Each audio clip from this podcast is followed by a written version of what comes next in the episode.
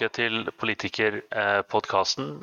Forrige uke eh, var jeg på ferie med min familie i Sverige. Da hadde Tore en veldig interessant samtale med Tarjei Skirbekk om de store folkepartienes fall i Europa, eh, med fokus også på, på, det spanske valget. Dersom du ikke har hørt den, så anbefaler jeg virkelig å gjøre det. Jeg anbefaler også at du legger Tarjei Skirbekks gode bok om samme tema i Strandbagen eh, i sommer. For det er en viktig og, og god gjennomgang av eh, skjebnen til en del store partier rundt oss i Europa. og et Viktig tema nå i, i den verdenen vi lever i.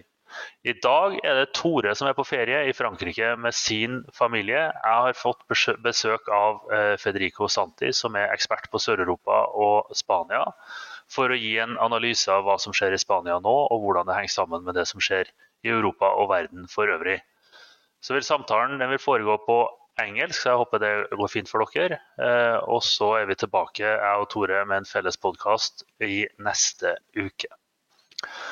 So we're very happy that you can join us. Federico Santi is a senior analyst at the Eurasia Group, which is a political risk advisory firm focusing on Southern Europe, the European Union, and Eurozone economic governance, as well as European energy issues.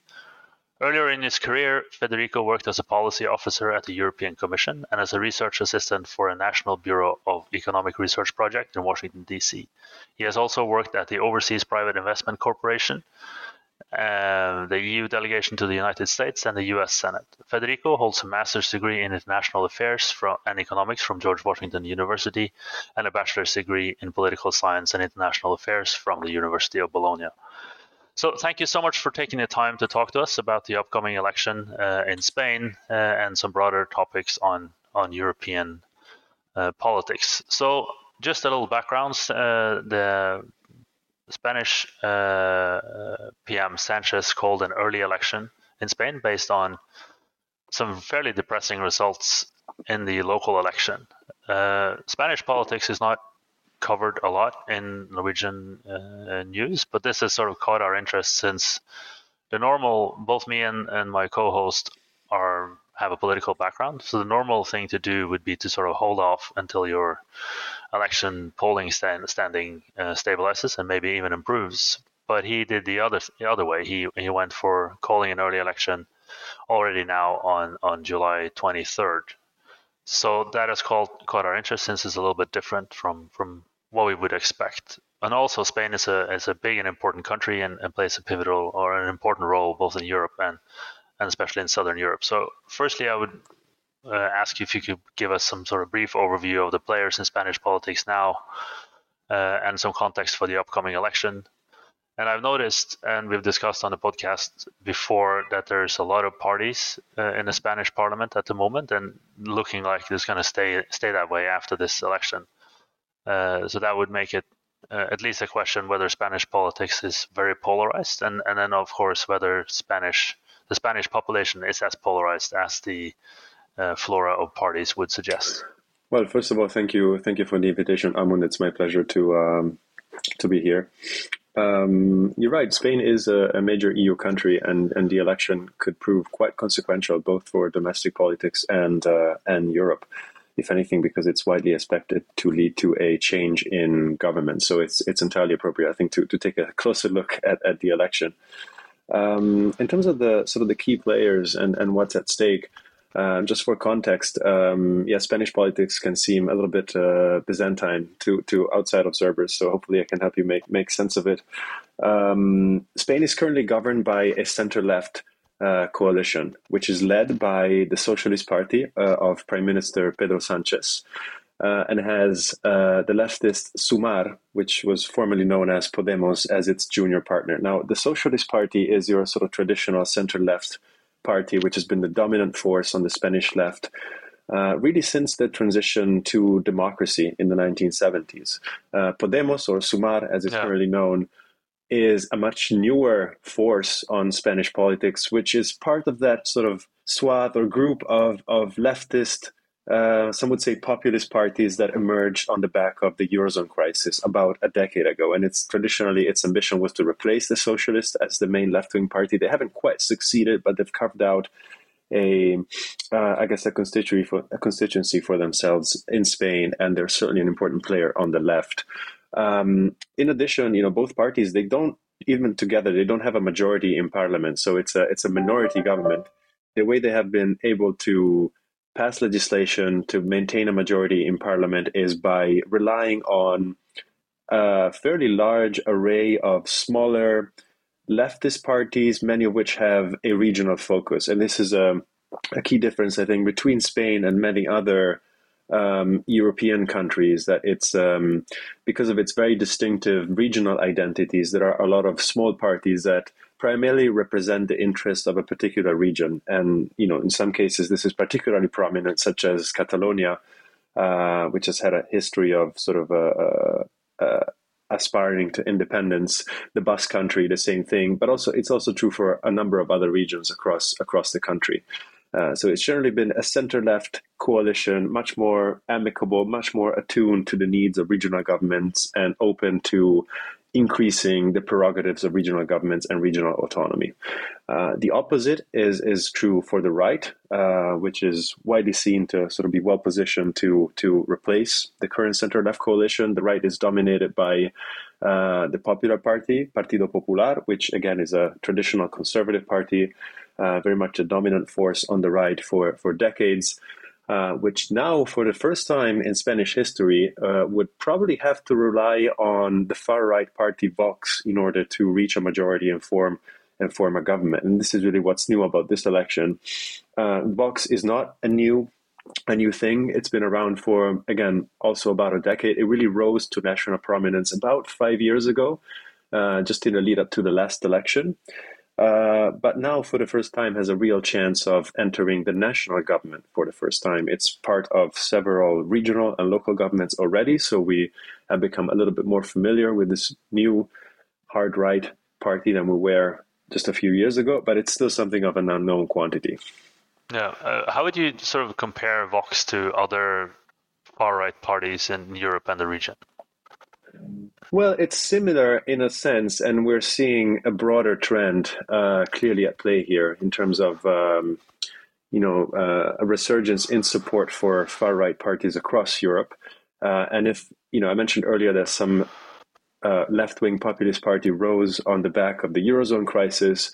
Uh, now we're seeing a bit of a shift in the opposite direction uh, as a result of well, in part, you know, the COVID pandemic, but also more recently, the, the war in Ukraine and the resulting energy crisis and, and what that's meant for, for the European the European economy. And Spain is certainly no exception. Uh, I think Vox, uh, as I said, dates back to a few years before that. Um, and traditionally, sort of its two its two main, uh, I guess, areas of focus have been immigration and defending national sovereignty in the face of these sort of uh, pressures toward, towards independence in some of the Spanish regions. And this maybe sets it a little bit apart from other right wing parties where in, in other European countries where, where this is less of an issue. Uh, but otherwise, it's um, you know it's it's fairly close and resembles quite closely other parties in Italy, for example. More recently in, Gre- in Greece, it's uh, similar to the Rassemblement National in France to an extent. Uh, where it differs a little bit from what we've come to understand as sort of the anti-EU Eurosceptic far right in Europe is that it's a little bit less focused on criticizing the EU and, and on economic governance and more focused on domestic issues. Um, you know, defending traditional Spanish culture, as I said, um, stopping illegal immigration, uh, re-centralizing power, taking away power from away from regional governments and back to the central government. But otherwise, yeah, quite similar.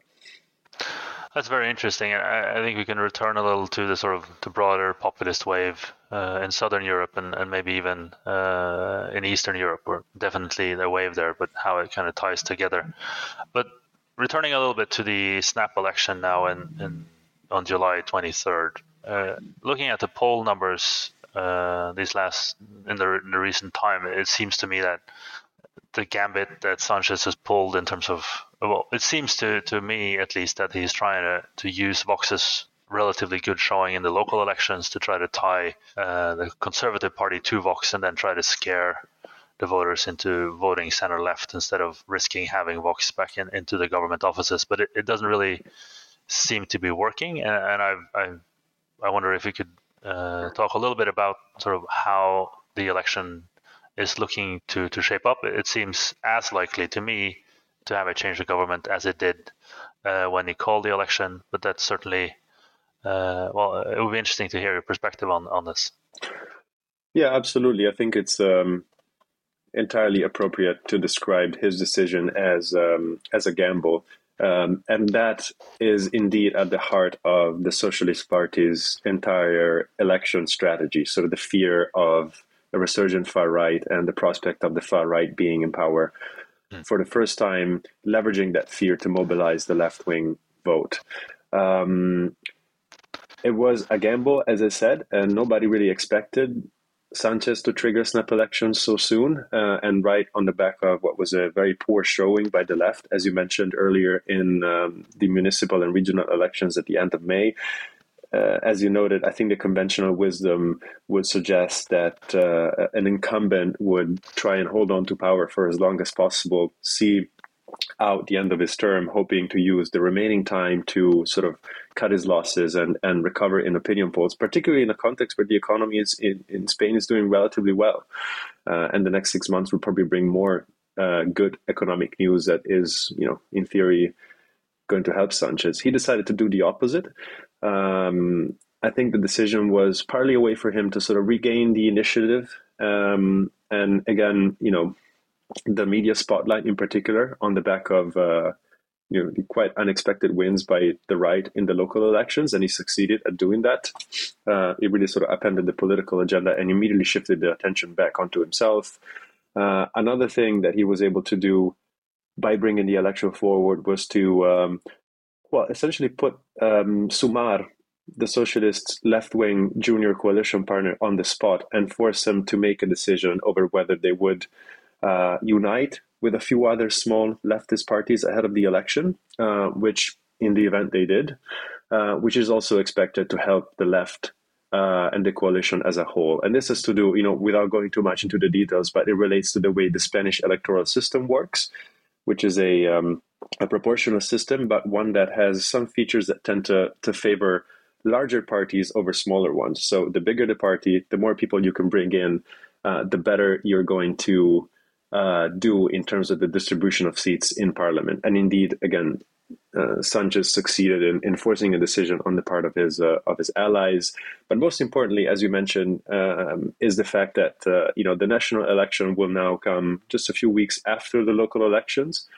Uh, and after all the regional and local governments will, will be formed, meaning that uh, the prospect of these very right leaning coalitions that will include Vox at the local level will be front and center for uh, and top of mind for many voters when they go and vote in the national elections. And this strategy worked quite well for Sanchez the last time around, uh, back in 2019. Again, he was able to leverage fears of the far right coming to power at the national level to encourage his base and left wing voters uh, to turn out uh, and vote in large numbers. I'm a little skeptical that it can pull that off again, in part because Vox is uh, sort of more normalized, if I could say that now. Um, you know, people are a little bit more familiar with it. People have also um, seen what Sanchez can do after five years in power, and they're not particularly excited about him as a leader, as a prime minister. But there's some indication that the strategy is paying off to some extent, and I think the left still has a fighting chance here, despite the fact that the right has a has a sizable lead. And in fact, we have seen uh, opinion polls move slightly in Sanchez's direction over the last week or two. And also, crucially, the vote uh, seems to be concentrating around the socialists and away from other left wing parties, which, again, uh, by virtue of the electoral system, should also help the left overall. So there's some indication that the strategy is is working, at least to some extent. That's very uh, very interesting, and it would be well, it would be exciting and interesting to follow this up until the election because I think if this pays off, it would have been it would be a tremendous success uh, for Sanchez, obviously, and, and, then if it doesn't pay off, uh, it, it, would uh, well, he would leave under a cloud of having made a, a, a, very sort of bold decision that didn't that didn't pay off. Um, so I, I was just wondering in in this upcoming election, uh, Sanchez uh, and the socialists obviously want this to be a a referendum on allowing Vox into uh, international politics.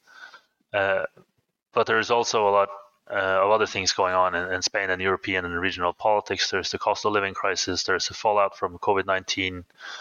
Uh, it's economic turmoil. Even though you said the Spanish election, the Spanish economy is, is certainly doing better than could be feared and, and might be uh, be on a good track. But what would be uh, what type of topics is on the voters' mind uh, going into this election? What would be the key uh, uh, points of, of interest and focus for the for the election campaign, both in terms of what would the parties want the campaign to be about, and what does the people seem to uh, want to talk about, and what would be the sort of the most salient issues. But yeah, you know, people in Spain joke that Sanchez has uh, politically has nine lives, and uh, time and time again, people predicting his his political demise. But he's, um, you know, proven them wrong. So uh, if he can pull it off this time, I think would be quite quite a feat. But uh, I wouldn't be I wouldn't be too surprised. But yeah, in terms of the um, in terms of the key issues, it's it's really it's all about the economy. I have to say, as you can as you can imagine, Spain, like other European countries, is is um, you know facing very significant inflationary pressures, which is something that all voters really can can feel uh, very directly uh, in their in their daily lives. Uh, and I think, understandably, this will dominate the last few weeks of uh, of the of the political campaign. Now, Spain, from an economic standpoint, is actually doing quite well. In fact, uh, it's looking at fairly solid economic growth this year and the next of about two percent of GDP, which is uh, enviable, I would say, uh, in this day and age. It was a little bit shielded, I guess, from the worst effects of the energy crisis, in part because it's a little less connected to the wider European energy markets, and it was very well supplied in terms of uh, natural gas throughout throughout last year. It wasn't very dependent on Russia at all.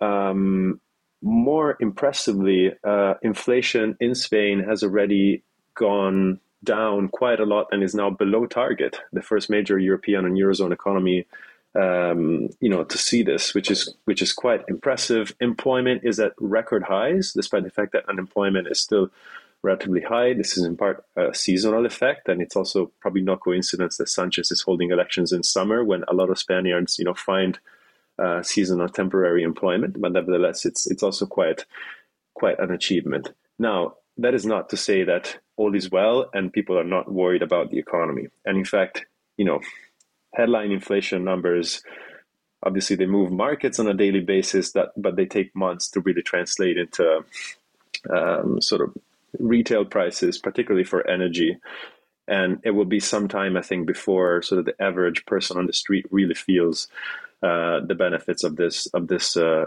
economic recovery after what was in Spain too quite a quite a difficult winter. So, you know, the situation is a little better for for Sanchez than he might have hoped. It's certainly better than in many other European countries, but net net, uh, we still think the economy will be a headwind for for the socialists and for the incumbents. And you know, we've actually looked into this in in quite some detail, but every election that's come, you know, a year or two after a major inflation shock is much more likely to lead to a change in government. This is sort of a, a you know, uh, this is true you know across across developed developed uh, democracies, and and Spain is probably no exception. But you know there were already a few electoral surprises in Europe this year. Uh, Greece most recently, which saw the incumbents sort of hold on to power against uh, against uh, you know expectations. So again, I do think that the left still has uh, more than a fighting chance here. Well, that's very interesting, and also I think uh, reassuring that it's not at least a uh, for our uh, uh our uh, colleagues or, or, my former colleagues in government that is not um, 100 uh, percent certain that an incumbent government will lose an election after a major inflationary shock to the economy. But it's certainly, as you say, rising interest rates, rising cost of living, and a inflationary situation is not is not helping uh, incumbent governments uh, anywhere. So my experience in, in campaigning is that trying to change the subject when, say, voters want to talk about the economic situation, employment, uh, big ticket items for, for national policy, and then the politician tries to to change the subject and talk about something else, say uh, welfare issues or, or other types of issues, or in this case, uh, whether or not you would allow the far right back into government, it, it creates this sort of uh, counter reaction that voters think you're trying to trying to change the subject on them or or or sort of jump over the most important issues. Is your sense that Sanchez's gamble on making this an election about the far right is seen as something that is helpful for the Spanish people, or is it more seen as some political structure on top of an election that will, as you say, be about recent economic history uh, and issues that matter for people's um, um, livelihoods and, and, ability to pay their bills? Mm-hmm. No, that's a, that's a very good question. I think this is also why this is in part a a, a risky move. I mean, so far there's no indication that uh, this strategy has backfired for Sanchez in a meaningful way. We'll see. We'll see in a couple of weeks' time. Uh, but as I said, you know, I think they the recent economic data in particular allows the left to, you know, gives the left some very good talking points to say that you know the economy is actually doing quite all right, and you know why change something when it works that type of thing, and you mm. need only to sort of let us let us you know you know do our thing and continue working towards uh, improving the economy, and things will be even better if if we stay in power. So, mm. I think they've been able to address those issues, both those issues, quite um, quite effectively. In addition, you know, from an economic standpoint, at least the mm. the the left's agenda is really focusing on redistribution and um, increasing social expenditure, which they have done over the course of the last um, last year or two, um, in particular, and now they're mm. promising to do more. Right? And this, I think, is also something that resonates with uh, uh, particularly low and middle income voters uh, very clearly. So things like you know increasing support for mm. you know local transport, energy bills. Uh, they recently passed a law to sort of cap rent rises, which was quite popular actually across the political spectrum, even with, even with right wing voters were also feeling the impact of, of the cost of living crisis. So I think, um, yeah, on the economy, I think their their strategy is proving quite effective. And in fact, you know, it's it's the right that's uh, kind of struggling to to come up with a, a more convincing narrative when it comes to the, the economy, which again is, is surprising, which you wouldn't expect given the circumstances. That's very interesting, and I, I just uh, a couple of points on sort of uh, well, trying to transition into the, this topic of populism, and then uh, we can talk a little on, on hmm. how this election might have broader regional uh, European effects. Uh, but my my experience in, in politics, both in Norway and other places, is that uh, well, the general population is usually clustered around the center, right? So you have a, a large part of the po- population leaning center right, and you have a large part of the population leaning center left. And for in uh, well, in many European countries, you'd have this coalition government structure where the Conservative Party, uh, uh, to more and more extent, are leaning on on more radical right wing forces, right? And and that spooks voters in the center left and part of the center right. But uh, in Spain, you have this system where there's also a lot of left leaning and also very regionally uh, intense parties. So my first question would be sort of do you see what we see in other countries is that the far left parties are spooking or are scary to the center right voters in about the same degree as the far right parties are scary to the center left or, or more center centrist voters, or is that somehow sort of changed a little by Vox's ties to uh, uh, well Spanish political history and, and uh, authoritarian regimes more in, in, in, Spain? Or do you see this sort of effect where the, the, the scariness of the far right is sort of outweighed by the scariness of the far left to people on the sort of right side of the, of the center? Um, very good question. I think in Spain, it's it's not so much the far left, but rather the sort of the regional left that is is the issue. Hmm. If if you ask, I think uh, right wing right wing voters, and I think it's fair to describe Spain as a fairly polarized society from a political standpoint. Maybe less so today than than a few years ago. Um, but you know, you you have the the usual fault lines that you see everywhere. You know, the economy. Uh, you know the openness, the openness of the economy, relations with Europe, and the loss of sovereignty, immigration, probably the most important, I would say. Um, those are clearly at play here. But then you have this additional level of you know tensions between the regions and the central government, which have been um, which are very politicized and uh, and there's a lot of very strong feelings on both sides of the issue, actually. Uh, now, let's say uh, autonomist or, or separatist uh, sentiment is at a low at the moment. And I think that's largely, you know, credit to the Sanchez government also for being able to diffuse this fault line to an extent uh, by taking, as I said, a more uh, a friendlier approach towards towards regional parties and Catalonia in particular. Uh, but at the same time, that required um, the central government, Sanchez, to make some very substantial uh, concessions to Catalan pro independence parties, on which Sanchez, to be clear, relied for a majority in parliament. So there was a very clear trade off there. And those concessions were, were quite hefty. The most important, probably a judicial reform that essentially, you know, removed uh, the harshest penalties and, and jail time for um, many Catalan politicians who had been convicted for their role in the 2017 illegal independence referendum, and you know the latest time that Catalonia, Catalonia at least sort of made uh, something resembling an attempt at unilateral secession, which was very disruptive at the time, and a key factor actually in, in, the rise of Vox in the first place. Uh, and those concessions, the judicial concessions, they were seen as um, you know, um, really outrageous by many right wing voters and uh, a betrayal of the constitution and a major threat to the rule of law in Spain and the country's territorial integrity. And that was again a key factor that I think sustains support for uh, for Vox uh, today. Um, just to just to wrap up, I mean, I think it's it's also true what you said. I think in a context where the economy is, is front and center, these issues are no longer as salient for yeah. many people, and I think this is why Vox is doing relatively well, but he hasn't really taken off in terms of support and focusing on immigration, focusing on the regional issue isn't really paying dividends for them at the moment. And that's why uh, it's actually the, the moderate right, the hmm. conservatives, the center right, who who no. looks set to be the sort of the clear winner here.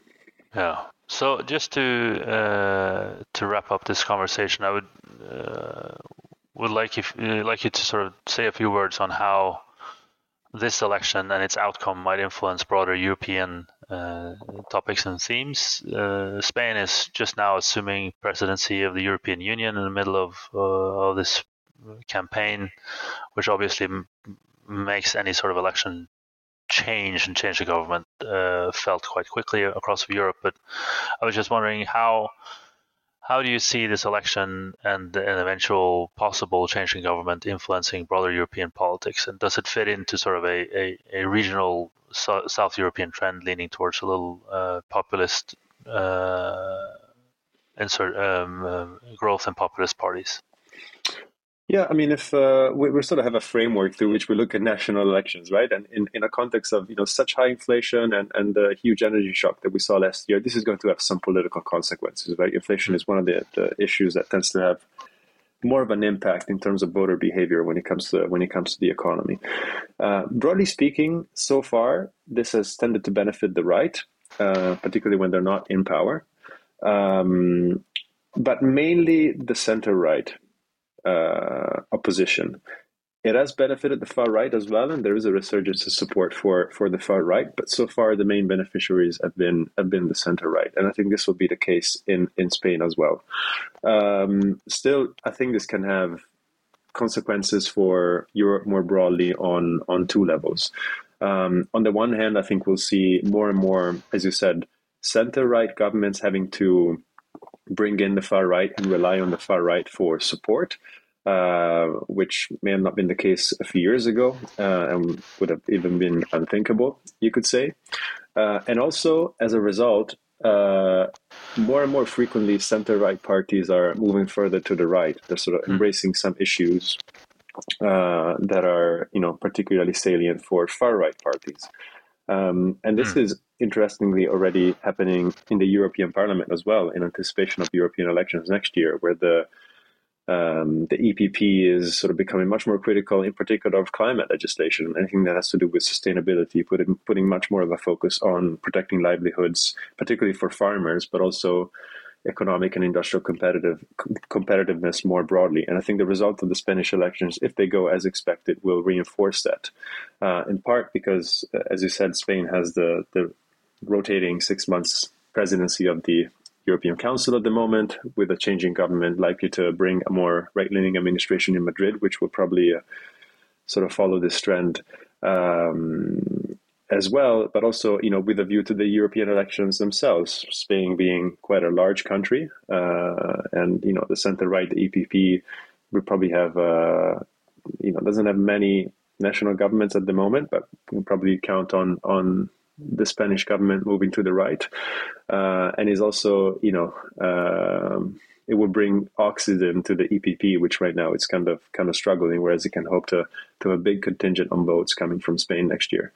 Um, just to conclude, there's um, you know there's a lot of pressure from the far right to actually peel the EPP off from the current pro-EU majority in the European Parliament. Uh, I'm still very skeptical that this can work, in part because the numbers are just not there at the moment, but also politically the EPP, sort of the center-right party in the European Parliament, is quite split um, on the issue. But it's you know it's not worthy that that they're even openly calling for this type of coalition, which would be a first in the European Parliament, to be clear, sort of breaking the pro EU consensus to bring in more conservative Eurosceptic elements in. Yeah, this is. Well, it's certainly f- fascinating and, and, very interesting, and, and the election is now uh, just around the corner. And I think for everyone following European politics, this will be certainly be an election to follow alongside other European elections, both this year and next. And as we've discussed, uh, cost of living crisis, inflationary shocks, these all profoundly influence uh, how these elections turn out, uh, what issues voters care about, and, and what type of parties we're able to mobilize. So I think we've spent our, our half an hour now, and I would just like to thank you, Federico, for taking the time to discuss uh, with us. And then We'll be back. The podcast will be back uh, uh, for our Norwegian listeners uh, already next week with a joint uh, podcast for, from me and Tore. Så med det så tenker jeg vi kan uh, runde av denne praten. Det har vært kjempeinteressant synes jeg, å diskutere uh, spansk politikk også denne gangen. Vi kommer tilbake med en podkast neste uke hvor jeg og Tore begge er i Norge. og så fortsetter vi gjennom sommeren å følge det spanske valget.